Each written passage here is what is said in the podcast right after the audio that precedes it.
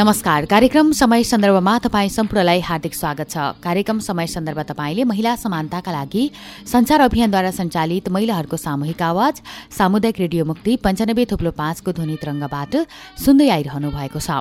र आजको बसाइमा पनि हामी तपाईँहरूको माझमा छौँ। तपाईँले हामीलाई रेडियो मुक्तिको website W dot radio Mukti dot ORG र मोबाइल एप्लिकेसनको हाम्रो पात्रमा रेडियो मुक्ति बुटुवल सर्च गरेर संसारभरिकै साथ सुनिरहनु भएको छ। सुन्न सक्नु सक्नुहुन्छ आज हामीले स्थानीय तहको निर्वाचन भएको अब पाँच वर्ष पुरा भएको छ। अब पाँच वर्षको अवधिमा स्थानीय सरकारमा आइसके पछाडि उपप्रमुखहरूले के कस्ता कामहरू गर्नुभयो? त्यहाँनिर कस्ता चुनौतीहरू देखिए र भोगाईहरू के छन्? र अब राजनीतिमा अबको स्थानीय तहको निर्वाचनमा मुख्य पदमा रहेर प्रमुख भएर काम गर्नको लागि अहिले उपप्रमुख भएर अथवा वडा सदस्यहरू भएर काम गरिरहँदा कस्तो अनुभव हुँदो रहेछ भनेर पनि हामीले कुराकानी गर्दै आइरहेका छौँ। आज भने बुटोल उपमहानगरपालिकाका उपप्रमुख गोमादेवी आचार्यसँग हामीले उहाँकै कार्यालयमा विशेष संवाद कार्यक्रम गरेका छौँ। आउनुहोस् अब भने आजको कार्यक्रमलाई अगाडि बढाउँछौँ। बुटुले उपमहानगरपालिकाका उपप्रमुख गोमादेवी आचार्यसँग गरिएको कुराकानीबाट। अहिलेको यो पाँच वर्षको समयमा चाहिँ यहाँले कसरी हेर्नुभएको छ? यो पाँच वर्षको समय अवधिमा के के कामहरू उपलब्धिमूलक भए यो गर्न सकियो भनेर यहाँहरूको प्रतिबद्धताहरू कति पुरा भए? जति बेला हामी चुनावी मैदानमा थियौँ त्यहाँ नागरिकले गरेका प्रश्नहरू हामीले लिएर गएका घोषणापत्र प्रतिबद्धताहरू र अहिले पाँच वर्षसम्म काम गर्दै गर्दाखेरिको हकमा कुरा गर्दाखेरि मलाई लाग्छ त्यति बेला नागरिकले उठाएका आवाजहरू र अहिले हामीले काम गर्दै गर्दाखेरि मैले धेरै कामहरू पुरा गर्न सकेँ भन्ने लाग्छ होइन? जस्तो अब लैङ्गिक हिंसाका कुराहरू उठिराखेका थिए महिला हिंसाका कुराहरू उठेका थिए घरेलु हिंसाका कुराहरू उठाएका थिए हामी चुनावी मोर्चामा जाँदा पनि लैङ्गिक हिंसा मुक्त सहर बनाउनका निम्ति हामी त्यो अभ्यास गर्नेछौँ भनेर पनि भनेका थियौँ। सडक पुल पुलेसा पूर्वाधारका कुराहरू उठेका थिए। त्यति मात्रै होइन महिलाहरूका निम्ति हामी बेरोजगार छौँ महिलाका निम्ति तपाईँले के गर्न सक्नुहुन्छ भन्ने कुराहरू पनि उठेका थिए। र यो घर दैलोमा जाँदाखेरि कतिपय सुत्केरी महिलाहरू आर्थिक अवस्था कमजोर भएर एउटा स्वास्थ्यको प्रक्रियामा जानका निम्ति समेत कहाँ जाने होला कसरी गर्ने भन्दा बाटो नभेटिरहेको अवस्था पनि हामी भेटाएका थियौँ। यद्यपि हामी निर्वाचित भएर आइसके पश्चात बेरोजगारको शून्य सहनशीलतामा ल्याउनका निम्ति युवा इलम कार्यक्रम र महिला उद्यमशीलता कार्यक्रमलाई अगाडि सार्दै गर्दा सुरुमा साथीहरू अलिकति हिचकिचाएको अवस्था उहाँहरूलाई अलिकति त्यो टेक्निकल नलेज नभएको कारणले पनि हो भन्ने हामीले महसुस गऱ्यौँ र त्यति मात्रै रहन्छ जो उद्यमशीलता कार्यक्रममा युवा इलम कार्यक्रममा आउँदै गर्दाखेरि कतिपय साथीहरू तिन महिना तालिम लिनुपर्ने भएको कारणले तिन महिनासम्म ऊ तालिममा जाँदाखेरि उसको घरमा चुलो नबल्नेसम्मको स्थिति पनि हामी भेटायौँ उहाँहरूलाई हामी सहजीकरण गर्दै गइसकेपछि अहिले धेरै युवा भाइ बहिनीहरू रोजगारीमा जोडिनु भएको छ स्वरोजगार गर्नुभएको छ। थुप्रै महिलाहरू छ सयभन्दा बढी महिलाहरू अहिले उद्यमी महिला बन्नुभएको छ। त्यो एउटा उपलब्धि छ भने जो सुत्केरी हुँदाखेरि कहाँ जाने ठुला अस्पतालहरूमा उहाँहरूको आर्थिक व्यवहारले नथाम्ने अवस्थामा उहाँहरू घरमै छटपटाएको अवस्थाहरू पनि हामी भेटाएका थियौँ गर्भावस्थामा ध्यान नदिएको कारणले गर्दाखेरि आमा र बच्चाको स्वास्थ्य कमजोर भएको अवस्था पनि भेटाएका थियौँ त्यो भइसकेपछि हामीले गर्भवती तथा सुकेरी भेट कार्यक्रमलाई अगाडि सारिसके पश्चात अहिले मलाई लाग्छ बुटोलमा गर्भवती अथवा सुकेरी महिलाहरू स्वास्थ्य उपचार नपाएको कारणले स्वास्थ्य सेवा नपाएको कारणले मृत्युवरण गर्नु पर्यो भन्ने सूचना चाहिँ पछिल्लो समयमा आएको छैन। यद्यपि अब कार्यक्रमको हिसाबले सानो होला तर त्यसले ठुलो महत्त्व पनि राखेको छ। र अहिले बिस्तारै हामी व्यवस्था परिवर्तन गऱ्यौँ तर मानसिकता र अवस्था परिवर्तन गर्न सक्यौँ कि सकेनौँ अहिले पनि यति बेला चुनौतीको रूपमा रहेको छ। र अहिले हिंसाका घटनाहरूका कुरा गर्ने भने हिंसा पहिला र अहिलेको हकमा हिंसा उस्तै उस्तै हो भन्ने पनि लाग्छ। हिंसाका स्वरूपहरू फेरिएका छन्। हिंसालाई हामी अन्त्य गर्न सकिरहेको अवस्था छैन। त्यो भइसकेपछि बुटुल उपमहानगरपालिकाले सम्पूर्ण सरकारवालाहरूसँग अब सरकारी कार्यालय अनि त्यसपछि अब निजी सङ्घ संस्थाहरू लगायतका उद्योगी व्यवसायी राजनीतिक दलहरू विद्यालय लगायतका सबै सरकारवालाहरूसँग हामी समन्वय गर्दै गरिसके पश्चात अब लैङ्गिक हिंसा मुक्त सहरका निम्ति रणनीतिक कार्ययोजना बनाएर हामी कार्यान्वयन प्रक्रियामा अगाडि बढ्न सकेका छौँ। त्यसमा सबै सरकारवालाहरूले प्रतिबद्धता जाहेर गर्नुभएको छ कि बुटोललाई हिंसारहित समाज निर्माण गर्नका निम्ति हाम्रो पनि महत्त्वपूर्ण भूमिका रहनेछ हाम्रो पनि सहयोग रहनेछ भन्ने हिसाबले अगाडि बढेको अवस्था पनि हामी भेटाएका छौँ। त्यससँगै हामी निर्वाचित भएर आइसके पश्चात म एउटा उपप्रमुख स्थानीय तहका उपप्रमुख अथवा उपाध्यक्षहरूलाई न्यायिक समितिको संयोजक हुने कानुनले पनि व्यवस्था गरेको छ। हामी अब विवाद जति सबै न्यायिक समितिले हेर्ने हो भन्ने अवस्था पनि भयो। यद्यपि देवानी संहिता मुलुकी देवानी संहिता र मुलुकी फौजदारी संहिता अन्तर्गतका जुन दुईवटा कानुन अन्तर्गत सबै विवादहरू न्यायिक समितिले हेर्छ भन्ने नागरिकको बुझाइ पनि रह्यो। हामीलाई पनि कुन हेर्ने कुन नहेर्ने भन्ने कुरा त्यति उ थिएन। अनि हामीले आफ्नो कार्यविधि बनायौँ। कार्यविधि बनाइसकेपछि हामी ऐन कानुनहरूलाई अध्ययन गर्दै गइसके पश्चात हामीले केही सहजीकरण गर्न सकेका पनि छौँ। र त्यो अन्तर्गत हेर्दै जाँदाखेरि अहिले न्यायिक समिति अत्यन्त प्रभावकारी ढङ्गले अगाडि बढेको छ। र धेरै साथीहरू जसको घरबार एकदमै विक्षिप्त अवस्थामा भएकाहरूलाई पनि हामी पुनर्मिलन गराउने काम पनि गरेका छौँ। त्योभित्र लैङ्गिक हिंसाका घटनाहरू छन् घरेलु हिंसाका घटनाहरू छन् महिला हिंसाका घटनाहरू छन् ज्येष्ठ नागरिक तथा बालबालिका संरक्षणका कुराहरू रहेका छन्। अनि त्यससँग सबैभन्दा बढी विवाद अहिले जग्गा विवादका कुरा सिमाना विवादका कुराहरू आएका छन् घरेलु हिंसाका कुराहरू आएका छन्। त्यसलाई न्यूनीकरण गर्नका निम्ति हामीले हामीसँग अत्यन्त थोरै मात्रामा मेलमिलापकर्ताहरू हामी आउनुभन्दा अगाडि हुनुहुन्थ्यो। पछि सङ्घीय सरकारले स्नातक पास गरेको एउटा स्पिड ल्यायो पछि चाहिँ स्नातक पास भन्ने कुराहरू रहेन तर हामीले सङ्घीय सरकारको स्पिडलाई नै छोपेर स्नातक पास गरेकै मेलमिलापकर्ताहरू हामी तयार पार्नुपर्छ भन्ने हिसाबले त्यो स्पिड पनि हामी छोप्न सक्यौँ र हामी आइसके पश्चात स्नातक पास गरेका मेलमिलापकर्ताहरू हामी तयार पनि गऱ्यौँ। एक वार्ड छजना मेलमिलापकर्ताहरू अहिले हुनुहुन्छ जसको कारणले गर्दा वार्ड वार्डमा आएका विवादहरू टोल टोलमा आएका विवादहरूलाई पनि हामी मेलमिलापकर्ताहरूबाट न्यायिक समितिको माध्यमबाट चाहिँ हामी सहजीकरण गर्न र केही मिलाउन चाहिँ सफल भएका पनि छौँ। र अर्को चुनौतीको विषयको रूपमा राजस्व परामर्श समितिको संयोजक उपप्रमुख हुने कानुनले व्यवस्था गरेको छ। हामी आउँदाखेरि अब आन्तरिक स्रोत अत्यन्त न्यून रहेको थियो। त्यसमा अब बुटोलको समृद्धिका निम्ति हामी चुनावी अभियानमा पनि जनतासँग थुप्रै महत्त्वकाङ्क्षी योजनाहरू पनि बाचा गरेका थियौँ। तर त्यो बाचा पुरा गर्नका निम्ति त हामीले आर्थिक सङ्कलन राजस्व सङ्कलन गर्नै पर्ने हुन्थ्यो। त्यो भइसकेपछि हामी निर्वाचित भएर आउँदाखेरि झन्डै चार हजार समथिङमा करदाताहरू हुनुहुन्थ्यो। अब हामी कर बढाएर जान सक्ने अवस्था पनि थिएनौँ। अब नयाँ जनप्रतिनिधि आएका एकैचोटि कर बढाए भन्ने अवस्था सिर्जना हुन्थ्यो। अनि मैले एउटा रणनीतिक हिसाबले चाहिँ अब कर वृद्धि गर्नुभन्दा करको दायरा फराकिलो पारेर जान सक्यौँ भने हामीले राजस्व सङ्कलन गर्न सक्छौँ र हामीले जनतासँग गरेका बाचाहरू पुरा गर्न सक्छौँ भन्ने लाग्यो।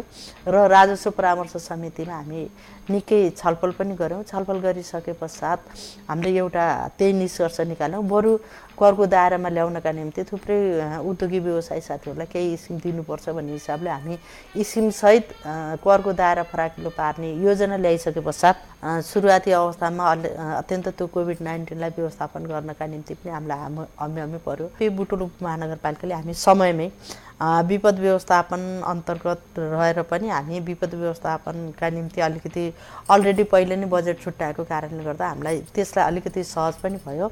यद्यपि कोभिडको बेलामा समेत हाम्रा करदाता जति पनि नागरिकहरू हुनुहुन्थ्यो उहाँहरूको इमान्दारिता जस्ताको जस्तै रह्यो। त्यो भएको कारणले गर्दा हामी चौवन्न करोड अघिल्लो वर्ष चौवन्न करोड हामीले त्यो बजेट राजस्व सङ्कलनमा हामी उठाउने तीव्रता जाहेर पनि गरेका थियौँ। कोभिडको बेलामा समेत हामी शत प्रतिशत राजस्व सङ्कलन गर्न हामी सफल भयौँ। त्योभन्दा बढी उठायौँ। त्यो एउटा बुटोलको समृद्धिका निम्ति नागरिकको सदाचारता अनि त्यसपछि आएर उद्योगी व्यवसायीहरू सबै सबैको साथ सहयोग बुटुलुक महानगरपालिकाका जनप्रतिनिधिलाई रह्यो भन्ने म आफूले महसुस गरेको छु र राजस्व परामर्श समितिमा रहनुभएका सबै उद्योगी व्यवसायी साथीहरू सबै सबै हुनुहुन्छ।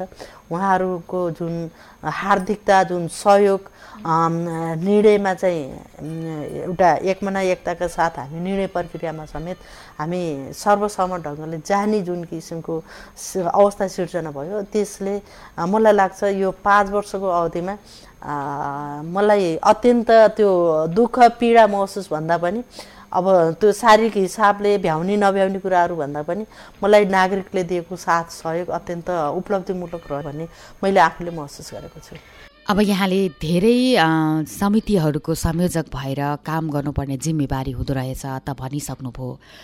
तर निर्वाचनमा जानुभन्दा पहिले उपप्रमुख भएपछि के के कस्तो नै होला भन्ने लाग्थ्यो होला। र अहिले उपप्रमुखै भएर पाँच वर्ष बिताउँदाखेरि चाहिँ उपलाई एउटा हेर्ने दृष्टिकोण छ। उपमा बसेर नि के भन्ने? अब यो पदलाई र यो जिम्मेवारीलाई चाहिँ यहाँले कसरी हेरिरहनु भएको छ? कस्तो लाग्यो? अब प्रमुखको मातहतमा रहेर काम गर्ने कुराहरू हुन्छ। वास्तवमा रियालिटीमा प्रमुख र उपप्रमुखको परिभाषित जिम्मेवारी छुट्टा छुट्टै छुट्याएको कारणले गर्दा कहीँ कतै कसले आदेश गरेदेखि काम गर्न पाउने आदेश नगरे न गर्न नपाउने जस्तो अवस्था रहेन। म झन्डै झन्डै चालिस बयालिसवटा भन्दा बढी समितिको संयोजक भएर काम गर्ने अवसर पनि पाएँ।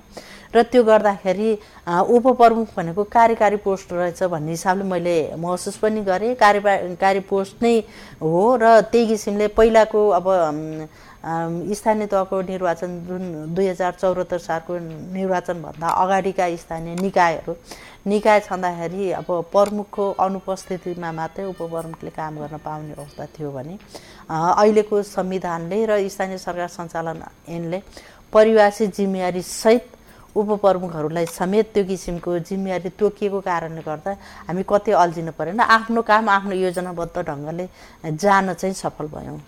तर कतिपय अवस्थामा स्वयं उपप्रमुखहरूको पनि आफ्नो कार्यक्षमता के छ जान नसकेको अवस्था पनि कहीँ देखिन्छ भने कतिपय अवस्थामा म प्रमुख हो सबै मलाई नसोधिकन किन उपप्रमुखले गर्ने?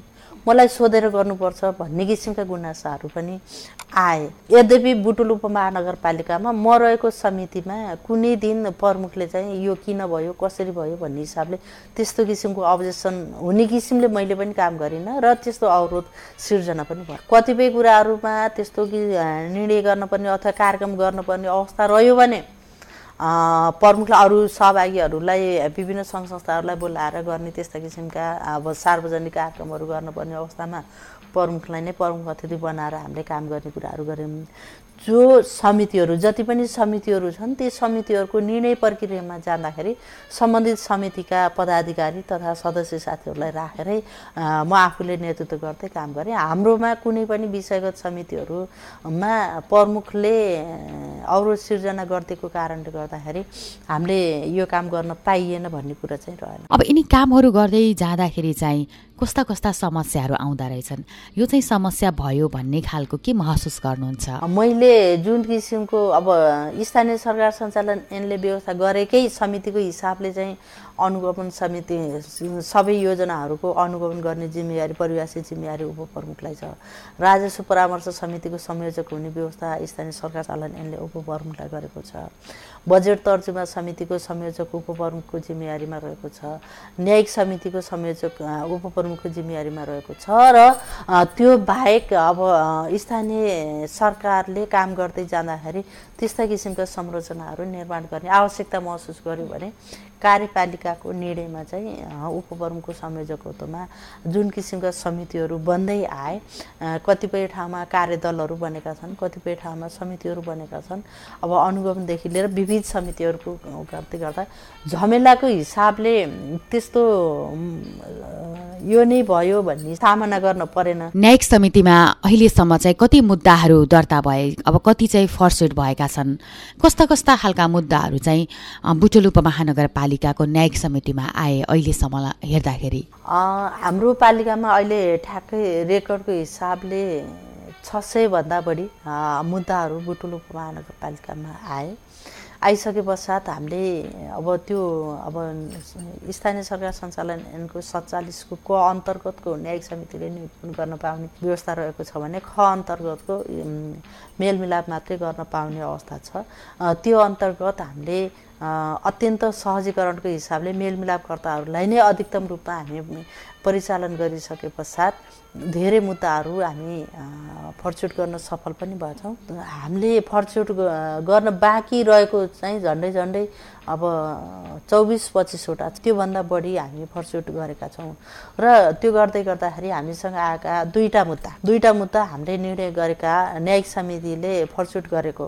मुद्दा चाहिँ जिल्ला अदालतमा हामीले कानुनी व्यवस्थामै के छ त भन्दा मेलमिलाप भएको मेलमिलाप भयो। मेलमिलाप हुन नसकेको न्यायिक समितिले अन्तिममा चाहिँ फैसला गर्न मिल्ने मुद्दाहरू हामी त्यसरी जाने पनि गरेका थियौँ।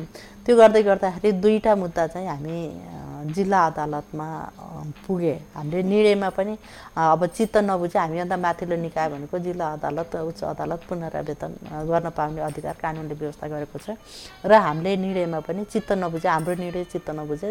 अब सम्बन्धित निकायमा जानु अथवा जिल्ला अदालत जानु भनेर पनि हामी लेखिदिने पनि गरेका थियौँ। जग्गा विवाद सम्बन्धी र अब घरेलु हिंसा सम्बन्धी विवादहरू नै थिए। निर्वाचित हुँदा एउटा प्रक्रियाबाट जुनसुकै प्रक्रियाबाट आए तापनि आइसकेपछि हामी सबै साझा व्यक्ति हौँ नागरिकको व्यक्ति हौ भन्ने हिसाबले हामी त्यो किसिमले महसुस पनि गऱ्यौँ। यद्यपि न्यायिक समितिमा मुद्दा आउँदै गर्दाखेरि विभिन्न व्यक्ति सङ्घ संस्थाहरूले हामीलाई प्रेसर नदिएका पनि होइनन्। विभिन्न किसिमका प्रेसरहरू दबावहरू पनि आउने गरे। तर त्यो गर्दै गर्दा पनि हामी कसैको प्रेसर दबावमा हामी विचल्ली भएनौँ र हामी हाम्रो निर्णयमा कानुनी कुराहरूमा अडान रहेर निर्णय गरेकै कारणले गर्दा बुटोल उपमहानगरपालिकाले राम्रै निर्णय गर्यो। अहिले बाहिर सुन्नमा आउँदाखेरि अब मैले भनेको होइन यद्यपि नियमित रूपमा जिल्ला अदालतको न्यायाधीशहरूले हाम्रो इजलासका जुन निर्णय प्रक्रियाहरू छन् नियमन गर्ने अनुमोदन गर्ने कामहरू पनि गर्नुहुन्छ। अब न्यायाधीश सपना प्रधान मल्ल लगायतका न्यायाधीशहरूले पनि हाम्रो इजलास अनुमोदन गर्दै गर्दाखेरि बुटोलको इजलास अहिलेसम्मको नमुना इजलास भन्ने आएको छ र स्वमूल्याङ्कनमा जुन सङ्घीय सरकारको लिजा फर्मेट पनि आएको छ त्यो स्वमूल्याङ्कनमा समेत न्यायिक समितिले सयमा सय पूर्णाङ्क पाएको अवस्थाहरू पनि रहेको छ र कतिपय हाम्रा समितिहरूमा त्यो अवस्था चाहिँ रह मुद्दा आउँदाखेरि सबैभन्दा बढी घरेलु हिंसाका मुद्दाहरू आएका छन्। अहिले समाजको विकृति पनि त्यही किसिम बढेको हो कि जस्तो देखिन्छ। पर पुरुष पर स्त्रीसँग अर्थात् पर स्त्री परसँग लागेको कारणले गर्दा घर परिवार विक्षिप्त भएको अवस्थाहरू छ होइन? छोराछोरीहरूले संरक्षण नपाउने श्रीमतीले संरक्षण नपाउने अवस्थाहरू पनि आएका छन्। धेरै मुद्दाहरू त्यस्तो प्रकृतिको आएको छ भने त्यससँग जोडिएर आउने मुद्दाहरूको हकमा लैङ्गिक हिंसाका घटनाहरू आएका छन्। महिला हिंसाका घटनाहरू आएका छन्। बालबालिका संरक्षणका कुराहरू त्यसपछि आएर महिला महिला तथा बालबालिका संरक्षणात्मकका मुद्दाहरू आएका छन्। ज्येष्ठ नागरिक संरक्षणका कुराहरू आएका छन्।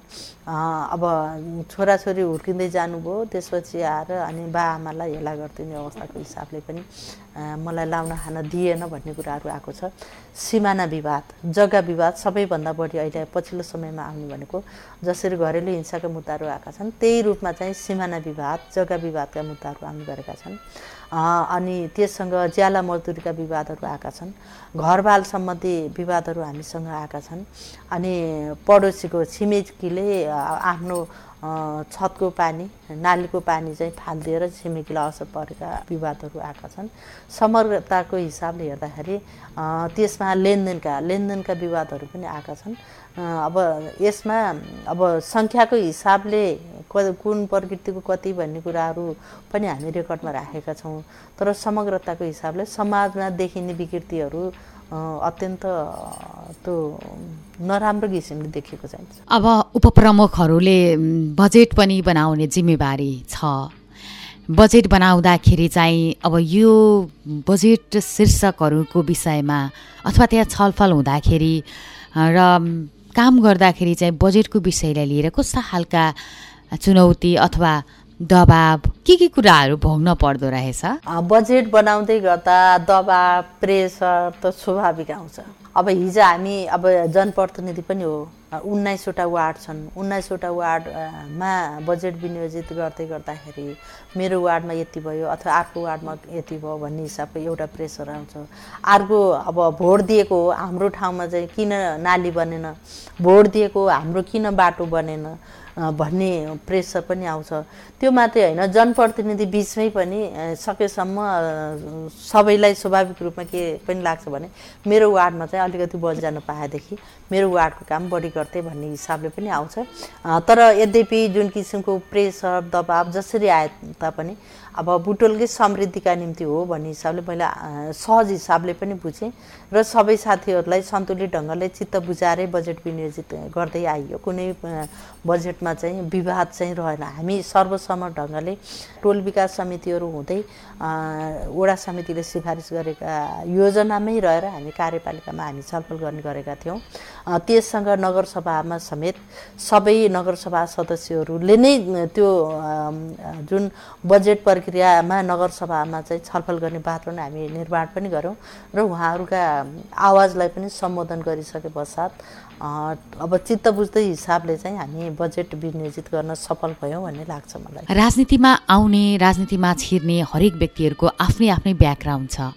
अब तपाईँ खास गरी जिफन्टबाट मजदुरहरूको आवाज उठाएर नै राजनीतिमा प्रवेश गर्नुभयो र अहिले जिम्मेवारी पोस्टमा अथवा बुटोल उपमहानगरपालिकाको उपप्रमुखमा रहेर काम पनि गर्नुभयो। अब यसलाई चाहिँ मजदुरहरूको पक्षमा तपाईँले कति काम गरेँ अथवा चाहिँ यिनी कुराहरू पहिला हामी उठाउँथ्यौँ अहिले चाहिँ हामीले यसलाई चाहिँ सम्बोधन गऱ्यौँ र गर्नुपर्छ भन्ने पुरा गर्नुभयो वा बाँकी छ? के लाग्छ तपाईँलाई? वास्तवमा यो हिजो सडकबाट जुन किसिमको आवाज उठाउँदै थियो त्यति बेला उठाउँदाखेरि अब जुन वर्गको प्रतिनिधित्व गरिएको थियो त्यही वर्गको बढी आवाज उठ्थ्यो त्यो स्वाभाविक पनि हो। र अब सरकारको एउटा प्रतिनिधि भएर कार्यान्वयन प्रक्रियामा आउँदाखेरि सोचे जस्तो सहज हुँदो रहेछ किन भन्दा एउटा वर्गलाई मात्रै हेरेर हुँदो रहेछ। सरकार भनेको सबै वर्गको प्रतिनिधि भएको कारणले गर्दा सबैलाई सन्तुलित ढङ्गले मिलाएर लैजान पर्ने त्यो जिम्मेवारी पनि हो जवाबदेता पनि हो।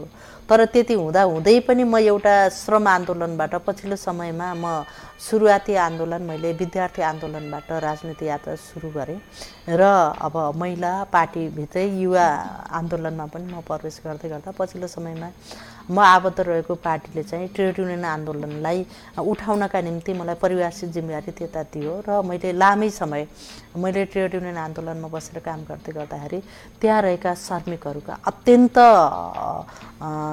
भनौँ न दर्दनाक अवस्थाका समस्याहरूमा म आफूले काम गर्ने अवसर पनि पाएँ जो खोलामा गिटी कुट्ने श्रमिकदेखि लिएर एउटा सडक बनाउने श्रमिकदेखि लिएर हरेक क्षेत्रका सफाइ मजदुरहरू र कमैयाहरू जुन अहिले हुन त मुक्त कमै कमैया मुक्त भएको अवस्था रहेको छ कृषि क्षेत्रको हिसाबले हेर्ने भनेदेखि एउटा दास प्रथाकै रूपमा चाहिँ त्यो कमैयाहरूले काम गर्ने अवस्थाहरू पनि थियो। त्यो आन्दोलनसँग जोडेर आउँदै गर्दाखेरि त्यही वर्गको हितका निम्ति चाहिँ कस्ता किसिमका योजनाहरू ल्याउन सकाबले अब सबैको प्रतिनिधि भए तापनि श्रमिक पक्षका निम्ति पनि अलिकति ध्यान दिएका छौँ हामीले। अब बुटोल उपमहानगरपालिकालाई लैङ्गिक हिंसा मुक्त नगरको रूपमा परिचित गराउने गरी यहाँले पहिले नै घोषणा गर्नुभयो। यद्यपि त्यसपछि पनि बुटवललाई सडक बाह्र मुक्त सहरको रूपमा विकास गर्ने अभियानमा पनि नगर लागेको छ होइन? अब अहिले चाहिँ लैङ्गिक हिंसामुक्त नगर बनाउने अभियान कहाँसम्म पुग्यो? अब यहाँले रणनैतिक योजना बनाएर अगाडि बढेका छ भन्नुभएको छ तर घटनाहरू त त्यति धेरै घटेको देखिँदैन। कतिको सफल भयो भन्ने लाग्छ तपाईँलाई? चुनावको बेलामा पनि भनेको थिएँ र म प्रतिबद्धता जाहेर गर्दा शपथ ग्रहणको बेलामा प्रतिबद्धता जाहेर गर्दा पनि मेरो पहिलो एजेन्डा भनेको बुटोललाई लैङ्गिक हिंसामुक्त सहर बनाउनेछौँ भनेर हामी प्रतिबद्धता जाहेर गरेका थियौँ। तर के हो भन्दा त्यो जा जादुको छडीमा हुँदो रहन्छ भावनागत हिसाबले एउटा कुरा हुन्छ भने कतिपय कुराहरू प्रक्रियामा जाने कुरा हो। मलाई धेरै साथीहरूले उपप्रमुखले महत्त्वकाङ्क्षी योजना बोक्नुभयो भनेर पनि भन्नुभएको अझ पुरुष दाजुभाइहरूले त मलाई सिधै के भन्नुभएको भने के पुरुषहरू हिंसामा परेका छैनन्। त्यो भएकै कारणले मैले उहाँलाई उत्तरै दिँदा के थियो भने त्यही भएकै कारणले गर्दा लैङ्गिक हिंसाको कुरा गरेको। नत्र घरेलु हिंसाको कानुन बनेको छ। त्यतिमा सीमित रहने भएको भए हामी त्यही भन्थ्यौँ होला। तर बुटोलमा विभिन्न किसिमको हिंसा भनेको धर्मको आधारमा संस्कृतिको आधारमा सामाजिक सांस्कृतिक राजनैतिक आर्थिक वर्गीयता विविध हिसाबको हिंसा भएको कारणले गर्दाखेरि अब मान्छेको हिंसाको कुरामा महिला र पुरुषमा मात्रै घट्छ भन्ने कुराहरू छ। महिला महिलामा पनि गर्छ पुरुष पुरुषमा पनि गर्छ आमा छोरीमा पनि हिंसा हुने गरेका छन् बाउ छोरामा पनि हिंसा गरेका छन् समाजमा टोल टोलमा हिंसा गरेका छन् त्यो भएको कारणले गर्दा नै हामी लैङ्गिक हिंसा मुक्त सहर भनेका हौँ भनेर पनि भनौँ र एक हदसम्म म सफल भएँ भन्ने लाग्छ। हामी जति बेला रणनीतिक कार्ययोजना बनाउँदैथ्यौँ कार्ययोजना बनाउने बेलामा विज्ञ व्यक्तिहरूलाई नै हायर गरेर हामीले त्यो रणनीतिक कार्ययोजना बनायौँ। कार्ययोजना निर्माण गर्ने क्रममा पनि हामी केही सूचकहरू इन्डिकेटरहरू विभिन्न बेलामा हामी गोष्ठीहरू गरेका छौँ अन्तर्क्रिया गरेका छौँ छलफल गरेका छौँ सरकारवालाहरूसँग राखेका छौँ र हामी के हुँदाखेरि बुटोल उपमहानगरपालिकालाई लैङ्गिक हिंसामुक्त सहर बनाउँछौँ भन्ने हिसाबमा व्यापक छलफल गरिसके पश्चात हामी एउटा योजना बनाउन सफल भएका छौँ। आज प्रत्येक वार्ड वार्डमा लैङ्गिक हिंसामुक्त सहरका निम्ति वडा अध्यक्षको संयोजकत्वमा वडा समितिहरू गठन भएको छ। टोल टोलमा चाहिँ अहिले प्रत्येक टोलमा हामीसँग दुई सय उनान्सयवटा टोल विकास समितिहरू भएका छन्। सबै टोलमा जान सकेका छैनौँ तर यो अभियान अगाडि बढेको छ। टोलमा टोल अध्यक्षकै अध्यक्षतामा टोल निगरानी समूह बनेको छ। त्यहाँ विभिन्न किसिमका सरकारवालाहरू व्यक्तिहरू राखिएको छ। प्रहरी प्रशासनका व्यक्तिहरू राखिएको छ। आमा समूह क्लब बाल क्लब ज्येष्ठ नागरिक लगायतका जुन मानव अधिकार क्षेत्रमा काम गर्ने साथीहरू विद्यालयका प्राध्यापक लगायतका व्यक्तिहरू समेत त्यो समितिहरूमा रहने व्यवस्था पनि गरेका छौँ। जसको कारणले गर्दाखेरि अब टोलमै टोल निगरानी समूह गठन भइसके पश्चात कसले कहाँ के गर्छ भन्ने कुराको बारेमा त्यो टोलमा बस्ने सम्पूर्ण व्यक्तिले थाहा पाउनुहुन्छ। अब हामी कसरी नियमन गर्ने? होइन हिंसाका घटनाहरूलाई कसरी न्यूनीकरण गर्ने भन्ने विषयको बारेमा आज प्रत्येक टोलका व्यक्तिहरूले थाहा पाउने जुन परिवेश भन्यो नि त कानुन छ भन्ने कुरा हिजो त कानुन एक अब पहुँचवाला व्यक्तिहरूलाई मात्रै थाहा हुन्थ्यो कानुन बनेको स्थानीय तहमा एउटा दूर दराजमा रहेको व्यक्तिले त के कानुन छ भन्ने थाहा हुँदैन थियो। आज प्रत्येक टोलमा टोल निगरानी समूह गठन हुनु भनेको एक हद म सफल भएको पनि मान्छु। अब यो नेतृत्वलाई यहाँले कसरी हेर्नु भएको छ? अब निर्वाचन पनि नजिकिँदैछ दौडधुप पार्टीभित्र देखिएको छ। अब प्रमुख भएर बुटुल उपमहानगरपालिका हाँक्न सक्छु भन्ने लागेको छ। अब चाहिँ नेतृत्व के रहेछ त? होइन? के भन्नुहुन्छ? नेतृत्वको हिसाबले नेतृत्वलाई कसरी बुझ्नुभयो भन्ने हिसाबमा कुरा गर्दाखेरि जहाँ सही नेतृत्व हुन्छ। अघि जति पनि हामी अहिले छलफल गऱ्यौँ छलफल गर्दै गर्दाखेरि हाम्रो स्पिडलाई अहिले भने जस्तै योजनाहरू योजनाहरू बनाउँदै गएका छौँ। वास्तवमा मैले सुरुमा पनि भने हामी नेपालको राष्ट्रिय राजनीतिको कुरा गर्दा नेपालको समृद्धिको कुरा गर्दा नेपालमा भएका पटक पटकका व्यवस्था परिवर्तन गर्दै गर्दा हामी लामो समयदेखि नेपालको पुरुष नेतृत्वले महिला र बालबालिकाको कुरालाई अब बाहिर भन्दा र कार्यान्वयन गर्दामा फरक छ। योजनाहरू अब प्रमुख भए गर्न सक्छु गर्थेँ भन्ने चाहिँ लाग्छ। अलिकति भावनागत हिसाबले एउटा महिला आमा बनेर आउँदै गर्दा पुरुषको पनि पीडा त्यो महिलाले भोगेकी हुन्छन् र स्वयं महिलाको पीडा त भोगि नै राखेको हुन्छ। त्यो जुन संवेदनशीलता हो त्यो चाहिँ बढी अब पुरुषले भन्दा महिलाले छिटो बुझ्छ भन्ने मेरो आफ्नो बुझाइ पनि रहेको छ महसुस पनि रहेको छ। त्यसको आधारमा रहेर काम गर्दाखेरि यदि म प्रमुख भएको भए गर्थेँ होला जस्तो लाग्छ। र अन्य समग्रताको विकासकै हिसाबले गति लिँदा पनि सन्तुलित ढङ्गले चाहिँ कहाँ पुग्यो कहाँ पुगेन भन्ने हिसाबमा अनुगमन समितिकै संयोजक भएको कारणले गर्दाखेरि प्रत्येक वार्ड जाँदै गर्दा प्रत्येक योजनाहरू अनुगमन गर्दै गर्दाखेरि त्यो ठाउँमा यो पुगेको रहन्छ यो बाँकी छ। अथवा यो यसो गरेको भए हुँदो। भन्ने पनि लाग्छ होइन? त्यसमा धेरै योजनाहरू अब प्रमुख भए गर्न सक्छु गर्थेँ भन्ने चाहिँ लाग्छ। हस् यहाँलाई धेरै धेरै धन्यवाद। अवश्य पनि आजको बसाइमा हामीले बुटोल उपमहानगरपालिकाका उपप्रमुख गोमादेवी आचार्यसँग रहेर कुराकानी गरिसकेका छौँ। स्थानीय तहको निर्वाचन भएको पाँच वर्षलाई यहाँले कसरी हेर्नु भएको छ भनेर हामीले उहाँसँग कुरा गरेका छौँ। बुटोल उपमहानगरपालिकामा करिब छ सय भन्दा बढी नै मुद्दाहरू न्यायिक समितिमा दर्ता भएका छन् र धेरै फर्सेट भएका छन्। केही मात्रै बाँकी रहेको भनेर पनि जानकारी गराउनु भएको छ यिनै कुराकानीसँग आजका लागि कार्यक्रम समय सन्दर्भलाई छुट्याइएको समयावधि सकिएको छ। कार्यक्रम सुनेर साथ दिनुभएकोमा तपाईँ सम्पूर्णलाई धेरै धेरै धन्यवाद दिँदै फेरि हामी भोलिको दिनमा अर्को विषयवस्तुको साथमा तपाईँहरूको माझमा उपस्थित हुने बाचा गर्दै आजका लागि बिदा हुन्छौँ। तपाईँ रेडियो मुक्ति सुन्दै रहनुहोला। नमस्ते।